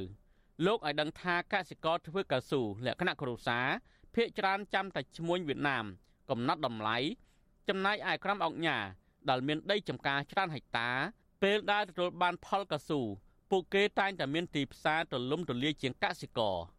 ពិតនឹងគឺតម្លៃថោកមែនទែនហើយណាមួយឈ្មួញកណ្ដាលហ្នឹងគាត់យកចេញទៅវៀតណាមហ្នឹងហើយពឹងផ្អែកទៅលើវៀតណាមហ្នឹងបើនិយាយទៅហើយឥឡូវហ្នឹងតម្លៃដែលជាថៅកែឬក៏អង្គញាផលិតដូចជារបស់អីផ្សេងផ្សេងនោះឃើញថាអត់មានចុះទេតម្លៃក៏លាមកធ្លាក់ប៉ុណ្ណេះដល់ឥឡូវរបស់គេថ្លៃហើយរីឯរបស់កសិករដែលគាត់អាចធ្វើបានយ៉ាងដូចជាកស៊ូដូចជាស្អីហ្នឹងអានឹងគាត់ដាំបានទោះបីមហាត់ពីរហាត់គាត់ដាំបានដល់ពេលលេផលមកវិញគឺតម្លៃថោករីឯរបស់កែឬក៏អង្គញាគាត់ធ្វើគាត់ផលិតបានមកលក់ឲ្យកសិករវិញនឹងតម្លៃថ្លៃដូចជាកន្លងមកយ៉ាងដូចកជីមកបេតែ6 70000រៀលហ្នឹងដូចឥឡូវនឹងឡើងជិត20000ហ្នឹងណាចំពោះកសិករនឹងទាំងគេទាំងខ្ញុំនឹងកំពុងតែបារម្ភហើយជុំវិញនឹងរឿងនេះទីប្រឹក្សាបច្ចេកទេសអង្គការសាមគ្គីភាពកសិករលោកឌីកុនធាមើលឃើញថាកសិករដាំកៅស៊ូតាមខេត្តមួយចំនួនដូចជាកំពង់ចាមត្បូងឃ្មុំមណ្ឌលគិរីនិងខេត្តកំពង់ធំជាដើមចាប់ផ្ដើមបាក់ទឹកចិត្ត ដោយសារគ្មានទីផ្សារនាំចេញកៅស៊ូហើយតម្លៃកៅស៊ូដែលឈ្មួញដើរទិញក្នុងស្រុក មានតម្លៃថោកលោកយល់ឃើញថាកសិករដាំកៅស៊ូគឺជាអ្នករួមចំណែកយ៉ាងសំខាន់ក្នុងការជួយលើកកម្ពស់វិស័យកសិកម្មនិងសេដ្ឋកិច្ចជាតិដូចនេះប្រសិនបរដ្ឋាភិបាល នៅតែប្រងើយកន្តើយស្វែងរកទីផ្សារនិងគ្មានការផ្ដល់កិច្ចគាំពៀជូនកសិករពលរដ្ឋកាន់តែច្រើននឹងប្រឈមនឹងការបោះបង់ធ្វើមុខរបរកសិកម្មមួយនេះ ដែលជាហេតុនាំឲ្យពួកគាត់ចំណាក់ស្រុកកាន់តែច្រើន ហើយរដ្ឋកាន់តែធ្លាក់ចំណូល។ កៅស៊ូរបស់គាត់ម្នាក់ម្នាក់មិនក្រោមពី3ទៅ5ហិកតាទេអញ្ចឹងគាត់ត្រូវការចំណាយដើមទុនធំអញ្ចឹងគាត់ក៏ត្រូវការវិនិយោគកម្ចីនៃកសិកម្មក៏ច្រើនដែរអញ្ចឹងបើសិនជាគាត់ខាត់បងគឺមានហានិភ័យច្រើនណាស់ខ្ញុំស្នើសុំឲ្យរដ្ឋាភិបាលត្រូវរៀបចំគោលនយោបាយគ្រប់គង់នៅវត្ថុធាតុដើមពង្រឹងលើកទឹកចិត្តទៅលើការបង្កើនផលិតភាពនៃផលិតកម្មដំណាំចម្ការកៅស៊ូទី2គោលនយោបាយស្វែងរកទីផ្សារគ្រប់គង់ទីផ្សារឲ្យពួកគាត់ទាំងទីផ្សារក្នុងប្រទេសនិងទីផ្សារក្រៅប្រទេសហើយត្រូវដើរតួនាទីនៅក្នុងការជួយសម្របសម្រួលបីផ្ដល់នៅជំនឿទំនុកចិត្តក្តីសង្ឃឹមឲ្យពួកគាត់ពលរដ្ឋឲ្យដឹងទៀតថាកសិករនៅខេត្តកំពង់ចាមនិងនៅស្រុកមេមត់ខេត្តត្បូងឃ្មុំមួយចំនួនភាគធំចាត់ទុកកសិកម្មដាំដំណាំកៅស៊ូជារបរសម្រាប់ឆ្នាំងបាយប៉ុន្តែកសិករខ្លះខកចិត្តចំពោះរដ្ឋាភិបាលដែលមិនស្វែងរកទីផ្សារនាំចេញកៅស៊ូក្នុងតម្លៃសមរម្យកសិករឲ្យដឹងទៀតថា ជ័រកៅស៊ូបច្ចុប្បន្នឈ្មួញឲ្យតម្លៃថោកពលគឺជាង1000រៀលទៅ2500រៀលក្នុង1គីឡូក្រាមដែលតម្លៃនេះពួកគាត់ថាទូទាត់លើការចំណាយថ្លៃជីការថែទាំនិងកម្មករស្ទើរតែមិនគ្រប់ផងកសិករដាំកៅស៊ូទទូចអរដ្ឋាភិបាលលហ៊ុនម៉ាណែតស្វែងរកទីផ្សារនាំចេញជ័រកៅស៊ូជាជាងបាក់ដៃឲ្យឈ្មួញកណ្ដាលដើរទិញជ័រកៅស៊ូកសិករក្នុងតម្លៃថោក ខ្ញុំបាទទីនសាការីយ៉ាអស៊ីសេរី ប្រធានីវ៉ាស៊ីនតោនចាលោកនានីជាទីមេត្រីហេតុការណ៍គ្រោះថ្នាក់ចរាចរណ៍ដែលបណ្ដាលឲ្យមានមនុស្សស្លាប់ជាបន្តបន្ទាប់ផ្ទួនផ្ទួនគ្នា បានបង្ខំឲ្យយុវជននិងប្រជាពលរដ្ឋមួយចំនួន បញ្ចេញ ប្រតិកម្មប្រឆាំងការផ្សព្វផ្សាយគ្រឿងស្រវឹងដោយជំរុញរដ្ឋាភិបាលបញ្ញាប់ដោះស្រាយបញ្ហានេះ គ្រោះថ្នាក់ចរាចរណ៍ទាំងនេះធ្វើពួកគាត់មួយចំនួន បារម្ភពីសុវត្ថិភាពធ្វើដំណើរនៅលើដងផ្លូវចាអ្នកស្រីសុជីវីរាយការណ៍ពឹស្ដាជំវិញព័ត៌មាននេះដូចតទៅក្រមយុវជនលើកឡើងថាដល់ពេលហើយដែលរដ្ឋាភិបាលគួរចេញមុខទទួលខុសត្រូវចំពោះភាពទន់ខ្សោយក្នុងការទប់ស្កាត់គ្រោះថ្នាក់ចរាចរណ៍បង្កឡើងដោយអ្នកបើកបរផឹកគ្រឿងស្រវឹងដែលបណ្ដាលឲ្យមានមនុស្សស្លាប់ជារៀងរាល់ថ្ងៃនៅតាមដងផ្លូវ និងបង្កការបារម្ភទៅដល់ពលរដ្ឋនៅពេលធ្វើដំណើរនិស្សិតនៅរាជធានីភ្នំពេញកញ្ញាវត្តវីណាលើកឡើងថាកញ្ញាហាក់គ្មានទំនុកចិត្តចំពោះសវត្ថិភាពការធ្វើដំណើរតទៅទៀតទេ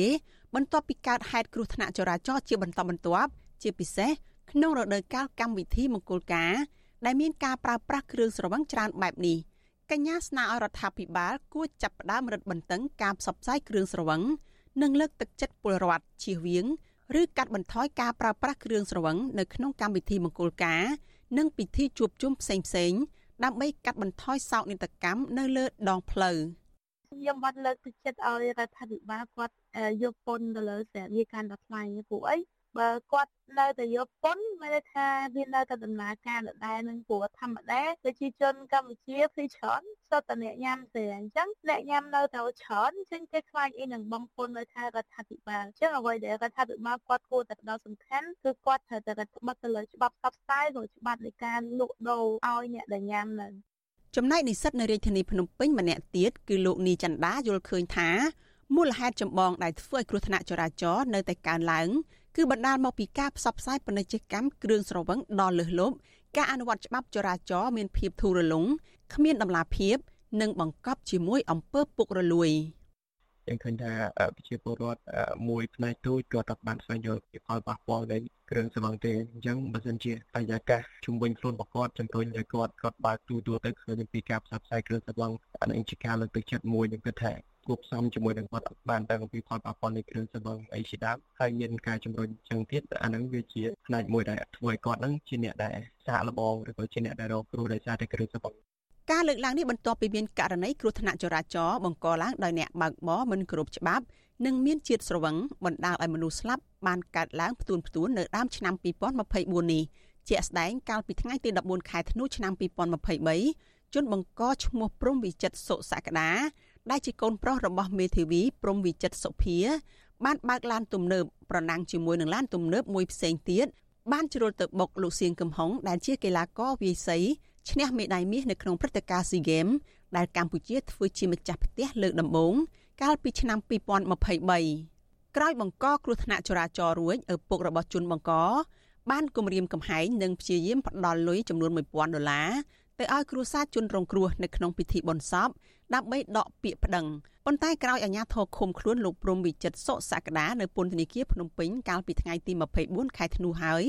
គ្រួសារជនបង្កបែរជាប្តឹងទាមទារសំណងពីគ្រួសារជនរងគ្រោះចំនួនជាង80ម៉ឺនដុល្លារទៅវិញ ដោយឡែកកាលពីថ្ងៃទី17ខែមករាអ្នកបើកបររថយន្តស៊េរីទំនើបមួយគ្រឿង Mark Ford បានបើកទឹកបុកអ្នកជិះម៉ូតូនិងកិនបន្ថែមបណ្ដាលឲ្យស្លាប់ភ្លាមភ្លាមនៅសង្កាត់គោករកាខណ្ឌព្រែកភ្នៅរាជធានីភ្នំពេញហើយអ្នកបើកបររថយន្តបង្កនោះគឺជាបរិះវ័យចំណាស់ស្ថិតនៅក្នុងស្ថានភាពស្រវឹងជោគជាំចំណែកថ្មីថ្មីនេះករណីគ្រោះថ្នាក់ចរាចរណ៍ដ៏រន្ធត់មួយទៀតគឺធ្វើឲ្យកក្រើកនៅក្នុងខណ្ឌឫស្សីកែវរាជធានីភ្នំពេញនៅយប់ថ្ងៃទី20ខែមករាដែលបង្កដោយមន្ត្រីក្រសួងសេដ្ឋកិច្ចនិងហិរញ្ញវត្ថុលោកនាងសំអូនបើកបរនៅក្នុងលបឿនលឿនក្រោមស្ថានភាពស្រវឹងបុករះរថយន្ត2គ្រឿងនិងម៉ូតូ4គ្រឿងបណ្ដាលឲ្យស្លាប់យុវជន4នាក់និងមនុស្សជាច្រើនអ្នកផ្សេងទៀតរងរបួសស្នងការដ្ឋាននគរបាលរាជធានីភ្នំពេញបានបញ្ជូនជនបង្កទៅតុលាការហើយកាលពីថ្ងៃទី22ខែមករាសោកនាដកម្មដ៏រន្ធត់នេះបានធ្វើឲ្យមហាជនប្រតិកម្មពេញបណ្ដាញសង្គម និងទម្លាក់កំហុសទៅលើការឃោសនាគ្រឿងស្រវឹងនិងការប្រងើយកន្តើយរបស់រដ្ឋាភិបាលដែលអនុញ្ញាតឲ្យក្រុមហ៊ុនគ្រឿងស្រវឹងផ្សព្វផ្សាយយ៉ាងអនាធិបតេយ្យនៅក្នុងពិធីបុណ្យជាតិកម្មវិធីទូរទស្សន៍និងការប្រគំតន្ត្រីជាដើមជាមួយគ្នានេះពួកគាត់បានបង្ហោះរូបថតជនរងគ្រោះនិងវីដេអូសមាជិកគ្រួសាររបស់ពួកគេដែលស្រែកទ្រហោយំនៅតាមដងផ្លូវដោយភ្ជាប់ជាមួយនឹងផ្ទាំងផ្សាយពាណិជ្ជកម្មស្រាបៀរនិងសំណេររៀបរាប់ពីការឈឺចាប់របស់គ្រួសារជនរងគ្រោះ ទោះយ៉ាងណាករណីគ្រោះថ្នាក់ចរាចរណ៍បណ្ដាលឲ្យមនុស្សស្លាប់មិនមែនកើតមានច្រើនតែក្នុងរាជធានីភ្នំពេញមួយនោះឡើយពលគឺនៅតាមបណ្ដាខេត្តជាពិសេសនៅតាមផ្លូវជាតិសំខាន់សំខាន់ក៏មានករណីនេះកើតឡើងជាហូរហែផងដែរគ្រូបង្រៀននៅខេត្តបន្ទាយមានជ័យលោកស៊ុននីសាន់ឲ្យដឹងថានៅរយៈពេលចុងក្រោយនេះលោកបានឃើញហេតុការណ៍គ្រោះថ្នាក់ចរាចរណ៍ដែលផ្ទាល់ជាច្រើនករណីនៅតាមបណ្ដោយផ្លូវជាតិលេខ5ដែលភ្នាក់ច្រើនជនបង្កមានសភាពស្រវឹង លោកថាហេតុការណ៍ទាំងនេះធ្វើឲ្យលោកមានការព្រួយបារម្ភនៅពេលលោកឬសមាជិកគ្រួសារធ្វើដំណើរតាមផ្លូវម្ដងម្ដងហើយហើយក៏ធ្លាប់ជិះលឿនក៏ជិះយឺតមកវិញអញ្ចឹងចេះភាសាអារម្មណ៍យើងវាដិតជាប់ពេលបើកបរផឹកគ្រឿងស្រវឹងទៅគាត់ហ៊ានគាត់អត់ខ្លាចគាត់អត់មានទំនួលខុសត្រូវអញ្ចឹងវិទ្យុអាស៊ីសេរីមិនអាចតាក់ទងអគ្គលេខាធិការគណៈកម្មាធិការជាតិសុវត្ថិភាពចរាចរណ៍ផ្លូវគោកអ្នកស្រីម៉ឺនម៉ាណាវីនិងអ្នកនាំពាក្យរងនៃក្រសួងមហាផ្ទៃលោកទូចសុខៈ ដើម្បីសុំការបកស្រាយជុំវិញរឿងនេះបានទេនៅថ្ងៃទី23ខែមករាកាលពីថ្ងៃទី18ខែមករារដ្ឋមន្ត្រីក្រសួងមហាផ្ទៃនិងជាប្រធានគណៈកម្មាធិការជាតិសវត្ថិភាពចរាចរណ៍ផ្លូវគោកលោកសសុខាបានបង្ហាញក្តីបារម្ភចំពោះកំណើនអ្នកស្លាប់ដោយសារគ្រោះថ្នាក់ចរាចរណ៍ផ្លូវគោកនៅក្នុងឆ្នាំ2024ថាអាចនឹងកើនឡើងលើសចំនួន2000នាក់លោកបន្តថាចំនួននេះអាចឈានដល់បន្ទាត់ក្រហមប្រសិនបើគ្រប់ភាគីពាក់ព័ន្ធ នៅតែមិនពង្រឹងការអនុវត្តច្បាប់ខណៈចំនួនប្រជាពលរដ្ឋស្លាប់ដោយគ្រោះថ្នាក់ចរាចរណ៍នៅក្នុងឆ្នាំ2023មានដល់ជិត2000នាក់ទៅហើយប្រធានមជ្ឈមណ្ឌលប្រជាពលរដ្ឋដើម្បីអភិវឌ្ឍនិងសន្តិភាពលោកយងកំឯងសង្កេតឃើញថាករណីគ្រោះថ្នាក់ចរាចរណ៍ហាក់មានការកើនឡើង និងកាន់តែអាក្រក់ដែលតម្រូវឲ្យរដ្ឋាភិបាលពិចារណាឡើងវិញលើច្បាប់គ្រប់គ្រងគ្រឿងស្រវឹងនិងពង្រឹងការអនុវត្តច្បាប់ចរាចរណ៍ឲ្យមានប្រសិទ្ធភាពលោកសង្ឃឹមថា ឆ្លងកាត់ហេតុការណ៍ដែលបានកើតឡើងនេះនិងដាស់ស្មារតីអ្នកសិល្បៈតារាចម្រៀងនិងប្រជាពលរដ្ឋឲ្យឈប់ទទួលការឃោសនា កាត់បន្ថយការសេពគ្រឿងស្រវឹងនិងចូលរួមគោរពច្បាប់ចរាចរណ៍បញ្ឈប់ទៅការដែលក្រុមហ៊ុនគ្រឿងស្រវឹងដើរបរិយានោះឲ្យផឹកហ្នឹងបាទឧទាហរណ៍ដូចជាការរៀបចំការប្រគំតន្ត្រីលើកទឹកចិត្តផ្ដល់វិជាហុចកំប៉ុងវិជាទៅឲ្យពលរដ្ឋផឹកបាទកាលណាតា កម្លាំងនៃការអប់រំគឺអត់អាចខ្លាំងដល់ការទៀកទាញនៃការផ្សាយពាណិជ្ជកម្មគ្រឿងសង្វឹងនោះទេកាលពីឆ្នាំ2008រដ្ឋាភិបាលកម្ពុជាធ្លាប់រៀបរៀងសេចក្តីព្រាងច្បាប់គ្រប់គ្រងគ្រឿងស្រវឹងក្នុងគោលបំណងការពារសុខភាពរបស់អ្នកប្រើប្រាស់និងបង្ការហានិភ័យផ្សេងផ្សេងទៀតប៉ុន្តែជាង10ឆ្នាំមកនេះសេចក្តីព្រាងច្បាប់នេះនៅតែមិនទាន់បានអនុវត្តឲ្យបានចេញជារូបរាងប្រើប្រាស់ផ្លូវការនៅឡើយ ប្រជាពលរដ្ឋទទូចរដ្ឋាភិបាលបង្កើតច្បាប់ និងរឹតបន្តឹងការផ្សព្វផ្សាយនិងលក់ដូរគ្រឿងស្រវឹងនេះឡើងវិញព្រោះពន្ធដែលបានមកពីគ្រឿងស្រវឹងនេះមិនចំណេញនោះទេបើធៀបទៅនឹងអាយុជីវិតរបស់ពលរដ្ឋជាមួយគ្នានេះពួកគេក៏ស្នើដល់អ្នកសិល្បៈនិងស្ថានីយទូរទស្សន៍មួយចំនួនបញ្ឈប់ការផ្សាយពាណិជ្ជកម្មឬបង្កើតកម្មវិធីអូសទាញយុវជនឲ្យគាស់ក្រវិលកំប៉ុងតទៅទៀតនាងខ្ញុំសុជីវី With you Azizi Serai ពីរដ្ឋធានី Washington ាលោកដានីជាទីមេត្រីក្នុងឱកាសនេះដែរនាងខ្ញុំសូមថ្លែងអំណរគុណដល់លោកដានីកញ្ញាទាំងអស់ដែលតែងតែមានភក្ដីភាពចំពោះការផ្សាយរបស់យើងហើយចាត់ទុកការស្ដាប់វិទ្យុអសីសេរី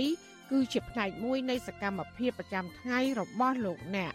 ការគ្រប់គ្រងរបស់លោកដានៀងនេះហើយដែលធ្វើយើងខ្ញុំមានទឹកចិត្តកាន់តែខ្លាំងថែមទៀត ក្នុងការស្វែងរកនិងផ្តល់ព័ត៌មានជូនដល់លោកដានៀង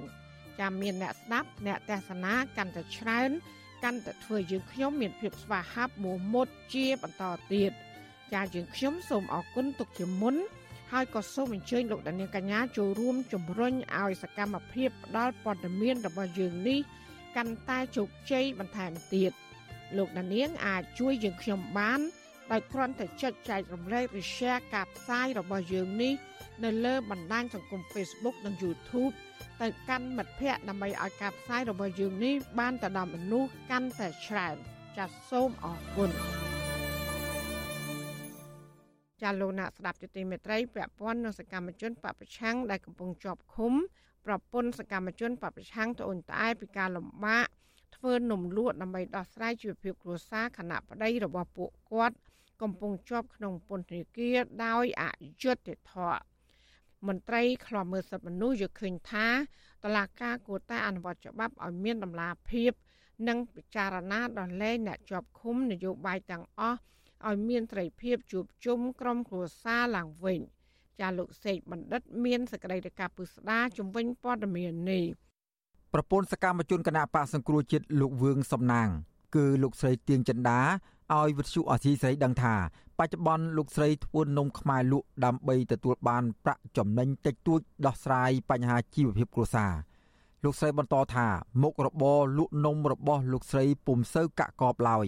ថ្ងៃខ្លះលក់ដាច់ថ្ងៃខ្លះទៀតលក់មិនដាច់ឡើយដូច្នេះនំដែលនៅសល់លោកស្រីត្រូវដើរលក់នៅតាមរោងចក្រ អត់ច្បាស់លាស់ទេបងថាជាការទៅទៅលក់នៅផ្សារទៅហើយបើលក់ផ្សារអត់ដាច់ទេក៏ថ្ងៃឡើងឆ្លៀតទៅលក់តាមរោងចក្រអញ្ចឹងណាបងតាមសាលាអញ្ចឹងគឺអត់មានកន្លែងទីតាំងច្បាស់លាស់ទេខ្ញុំដើរលក់ទៅពីទៅពីដែរហ្នឹងបងវាចំណេញតិចដែរបងបើសិនយើងលក់អស់សកម្មជនគណៈបកសង្គ្រោះជាតិលោកវឿងសំណាងត្រូវបានតុលាការក្រុងភ្នំពេញផ្ដន្ទាទោសឲ្យជាប់ពន្ធនាគារចំនួន11ឆ្នាំក្នុងសំណុំរឿងចំនួន2គឺរួមគំនិតក្បត់ និងញុះញង់បង្កឲ្យមានភាពវឹកវរធ្ងន់ធ្ងរដល់សន្តិសុខសង្គម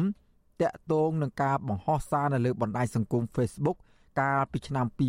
2021និងពាក់ព័ន្ធរឿងគម្រោងវិលចូលស្រុកវិញរបស់ថ្នាក់ដឹកនាំគណៈបកសង្គ្រោះជាតិកាលពីដើមខែមករាឆ្នាំ2021ក៏ប៉ុន្តែលោកវឿងសំណាង ធ្លាប់អះអាងថាការចោទប្រកាន់របស់តុលាការគឺជារឿងនយោបាយនិងជាការដាក់សម្ពាធលើលោកដែលកំពុងជាប់ឃុំ ទោះបីជាប្តីកំពុងជាប់ក្នុងពន្ធនាគារព្រៃសរយ៉ាងណាក្តីក៏លោកស្រីទៀងចិន្តាសុកចិត្តលក់នំចិញ្ចឹមកូននិងប្តីទាំងលំបាកក៏ដោយក៏មិនអោយប្តីចុះចូលជាមួយនឹងគណៈបកកណ្ដាលអំណាចដើម្បីជាធ្នូដូរយកសិទ្ធិសេរីភាពនោះឡើយស្ត្រីវ័យ35ឆ្នាំរូបនេះចាប់យកមុខរបរលក់នំខ្មែរទៅតាមការកម្មង់របស់អតិថិជន ដោយក្នុងមួយថ្ងៃលោកស្រីអាចរកប្រាក់ចំណូលចន្លោះពី30000រៀលដល់40000រៀលក្រៅពីមុខរបរធ្វើនំលក់លោកស្រីទៀងចិន្តាក៏ឆ្លៀតរុញរទេះលក់ការ៉េមផងដែរ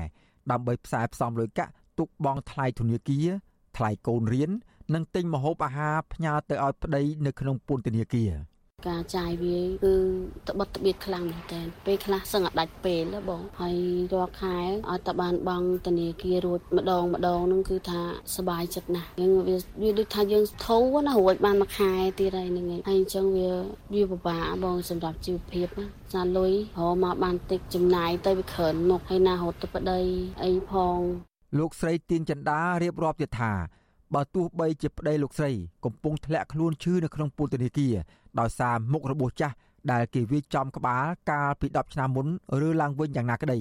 ក៏មន្ត្រីពន្ធនាគារពុំយកចិត្តទុកដាក់ថែទាំប្តីលោកស្រីឡើយលោកស្រីព្រួយបារម្ភពីបញ្ហាសុខភាពប្តីកាន់តែចុះដុនដាបជាងមុនប្រសិនបើបន្តជាប់ឃុំទៀតនោះលោកវឿងសំណាងជាប់ឃុំនៅក្នុងពន្ធនាគារព្រៃសររយៈពេល2ឆ្នាំមកនេះប្រឈមនឹងបញ្ហាសុខភាព ការធ្វើទុកបុកម្នេញពីមន្ត្រីគណៈបកកណ្ដាលអំណាចនិងរងសម្ពាធផ្លូវចិត្តដោយសារលោកមិនព្រមចុះចូលជាមួយនឹងគណៈបកកណ្ដាលអំណាចធ្វើត្បិតប្រឈមនឹងបញ្ហាបែបនេះក្តីលោកស្រីទៀងចន្ទាអះអាងថាប្តីលោកស្រីនៅតែប្រកាន់ជំហរដដែលប្រពន្ធសកម្មជនគណៈបកប្រឆាំងរូបនេះកោតសរសើរពីទឹកចិត្តរបស់ប្តីនិងជំរុញលើកទឹកចិត្តប្តីឲ្យរក្សាភាពស្មោះត្រង់ចំពោះជាតិ អតីតតំណាងរាជគណៈបកសង្គ្រោះជាតិនៅខេត្តកំពង់ធំ លោកម៉ែនសថាវរិន យល់ឃើញថារដ្ឋាភិបាលដឹកនាំដោយលោកហ៊ុនសែននិងលោកហ៊ុនម៉ាណែត តែងតែប្រើប្រព័ន្ធតុលាការដើម្បីធ្វើទុកបុកម្នេញលើសកម្មជនគណបកប្រឆាំងដើម្បីបំបិតសម្លេងអ្នកប្រជាធិបតេយ្យលោកបន្តថា លោកវឿងសំណាង គឺជាមនុស្សស្មោះត្រង់និងគិតពីផលប្រយោជន៍ជាតិជាធំក៏ប៉ុន្តែ រឿងអយុត្តិធម៌ដែលតុលាការមិនឯករាជ្យ យើងឃើញថាកូនគាត់រៀនសូត្របានចេះដឹងច្រើនហើយគាត់អាចបដូរផ្លាស់ប្ដូរឋានការហាត់ទូរស័ព្ទទៀតតែមិនអញ្ចឹងគឺយ៉ាប់ជាងមុនទៀតគឺយ៉ាប់ជាងឲ្យគាត់គឺទេតាមឲ្យគាត់ហើយអញ្ចឹងបង្ហាញឃើញថាជាបរិការពិតប្រាកដមែនណាព្រោះគាត់ធ្វើនេះដោយសារឃើញកម្មជួនមួយចំនួនដែលគេស្រឡាញ់គណៈបកហើយគេស្រឡាញ់ជាលទ្ធិជាតបតេគេនៅគេមកព្រមចូលអញ្ចឹងធ្វើនឹងគឺថាជារបបឯកាពិតប្រាកដហើយធ្វើនឹងគឺគៀបសង្កត់មិនឲ្យមានប្រជាធិបតេយ្យគឺប្រជាធិបតេយ្យតែក្នុងกระดาษបាទវុទ្ធុអាស៊ីសេរីនៅពុំទាន់អាចតាក់ទងแนะនាំពាក្យសាលាដំបងរាជធានីភ្នំពេញលោកអ៊ីរិនដើម្បីសុំ ការបកស្រាយជុំវិញបញ្ហានេះបានទេ នៅថ្ងៃទី23មករាក៏ប៉ុន្តែអ្នកនាំពាក្យគណៈបកប្រជាជនកម្ពុជា លោកសុកអេសានថ្លែងថាការឃុំខ្លួនលោកវឿងសំណាងនេះគឺជាការអនុវត្តច្បាប់មិនសំដៅទៅលើសកម្មជនដែលមាននិន្នាការផ្ទុយពីរដ្ឋាភិបាលឡើយលោកបន្តថាប្រសិនបើមិនចង់ឲ្យមានការកាត់ទោសជាប់ពន្ធនាគារសកម្មជនដែលដើរតាមលោកសំរងស៊ីគួរតែបញ្ឈប់សកម្មភាពបំរើជនទុច្ចរិត ដែលលោកសំដៅទៅលើលោកសំរងស៊ីហើយរឿងហ្នឹងមិនមែនមានតែប្តីអ្នកស្រីទេមានច្រើនគ្នាទៀតដែលដើរតាមអបាយកលទុច្ចរិតរបស់តនដិតសំរងស៊ីនេះគុំអីជាកម្មពៀងនេះរបស់ខ្ញុំខ្ញុំថាគួរតែយើងវិលមកសង្គមជាតិវិញហើយយើងធ្វើការធម្មតាជាពលរដ្ឋធម្មតាទៅអត់មាននរណាទៅយីជីឬតឡាការយកយើងទៅកាត់សេចក្តីអីទេ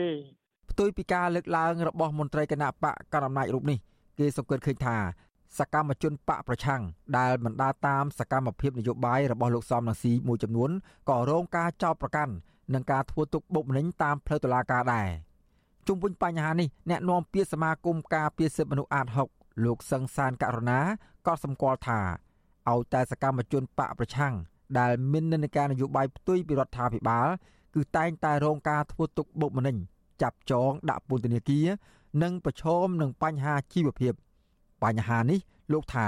ខុសពីសកម្មជនគណៈបកកណ្ដាលអំណាចដែលតែងតែទទួលបានទូរទីនៅក្នុងស្ថាប័នរដ្ឋ អ្នកនយោបាយដែលមានទស្សនៈផ្ទុយពីគ្នានឹងកុំចាត់ទុកគ្នាជាស្ត្រូវហើយធ្វើម៉េចក៏ដោយយើងមានការយោគយល់ហើយធ្វើកិច្ចការងារដើម្បីស្ដាររួមគ្នាស្ដារអភិវឌ្ឍប្រទេសជាតិយើងឲ្យកាន់តែជឿនលឿនទៅយើងឃើញហើយប្រទេសដែលគេប្រកាន់ប្រជាធិបតេយ្យពិតប្រាកដគេអភិវឌ្ឍប្រទេសគេគេជឿនលឿនណាស់ហើយដែលឡែកតែយើងវល់តែមានចំនួនផ្ទៃក្នុងចំនួនគ្នាទៅវិញទៅមកទប់ស្កាត់អត់រួបរวมគ្នាអភិវឌ្ឍប្រទេសជាតិវាធ្វើឲ្យប្រទេសយើងនឹងវាអន់ថយទៅវិញទេលោកវឿងសំណាងជាអ្នកនយោបាយថ្នាក់មូលដ្ឋានដ៏សកម្មនិងស្មោះត្រង់ចំពោះឆន្ទៈម្ចាស់ឆ្នោតកាលពីឆ្នាំ2014លោកវឿងសំណាង ដែលជាព្រះសង្ឃបានចូលរួមធ្វើបាតកម្មទាមទារឲ្យដំឡើងប្រាក់ឈ្នួលដល់កម្មករពេលនោះលោកវឿងសំណាង រួមទាំងកម្មករផ្សេងទៀតត្រូវកងទ័ពឆាត់យងវាយបង្ក្រាបយ៉ាងចាស់ដៃដែលធ្វើឲ្យក្បាលរបស់លោក មានបញ្ហាមកទល់នឹងពេលបច្ចុប្បន្នកាលពីឆ្នាំ2017 លោកវឿងសំណាង បានជាប់ឆ្នោតជាចៅសង្កាត់រងទី2នៃសង្កាត់ចតុមុខខណ្ឌដូនពេញ របស់គណៈបកសង្គ្រោះជាតិនៅរាជធានីភ្នំពេញប៉ុន្តែក្រោយពីរដ្ឋាភិបាលលោកហ៊ុនសែនរំលាយគណៈបកសង្គ្រោះជាតិមកលោកវឿងសំណាង បង្ខំចិត្តរត់ភៀសខ្លួនទៅកាន់ប្រទេសថៃដើម្បីគេចខ្លួនពីការបង្ខំឲ្យចុះចូលជាមួយនឹងគណៈបកកាន់អំណាចក្រោយមកសមត្ថកិច្ចកម្ពុជា បានសហការជាមួយអាជ្ញាធរថៃ ចាប់បញ្ជូនសកម្មជនគណៈបកសង្គ្រោះជាតិរូបនេះពីប្រទេសថៃយកទៅឃុំខ្លួននៅពន្ធនាគារព្រៃសរកាលពីថ្ងៃទី9តុលាឆ្នាំ2021សកម្មជនគណៈបកប្រឆាំងអង្គការសង្គមស៊ីវិលជាតិនិងអន្តរជាតិចាត់ទុកការផ្ដន់ទោសនេះថាជាការធ្វើទុកបុកម្នេញផ្នែកនយោបាយប្រកាន់និន្នាការនយោបាយនិងមានចេតនាបំបិទសិទ្ធិសេរីភាពអ្នកស្រឡាញ់ប្រជាធិបតេយ្យដោយគ្រាន់តែពួកគេមានមតិផ្ទុយពីរដ្ឋាភិបាល។ ពួកគាត់ស្នើសុំឲ្យរដ្ឋាភិបាលដោះលែងលោកវឿងសំណាង និងសកម្មជននយោបាយទាំងអស់ព្រមទាំងសកម្មជនសង្គមផ្សេងផ្សេងទៀតឲ្យមានសេរីភាពដោយឥតលក្ខខណ្ឌដើម្បីឲ្យពួកគេមានឱកាសរស់នៅជួបជុំក្រុមគ្រួសារឡើងវិញខ្ញុំបាទសេកបណ្ឌិតវិទ្យុអាស៊ីសេរីពីរដ្ឋធានីវ៉ាស៊ីនតោន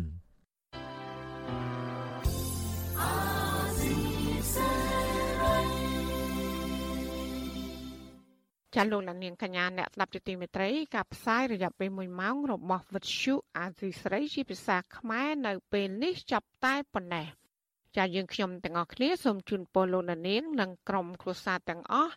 សូមជួបប្រកបតែនឹងសេចក្តីសុខសេចក្តីចម្រើន ជានិរន្តរ៍ចានាងខ្ញុំម៉ៃសុធានីព្រមទាំងក្រុមការងារទាំងអស់របស់អាស៊ីស្រីសូមអរគុណនិងសូមជម្រាបលា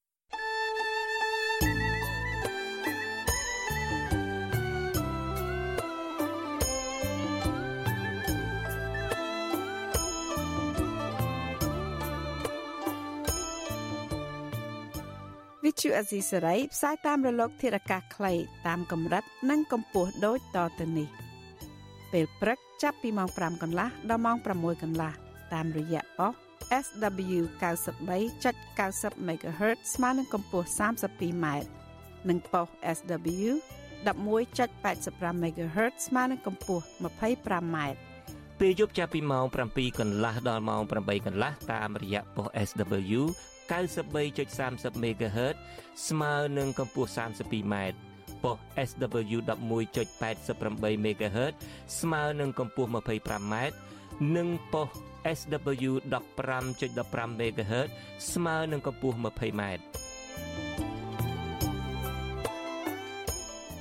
លោកអ្នកនាងក៏អាចស្ដាប់និងទស្សនាការផ្សាយផ្ទាល់នៅលើគេហទំព័រ Visual Asia សេរីតាមរយៈអាស័យដ្ឋាន rfa.org/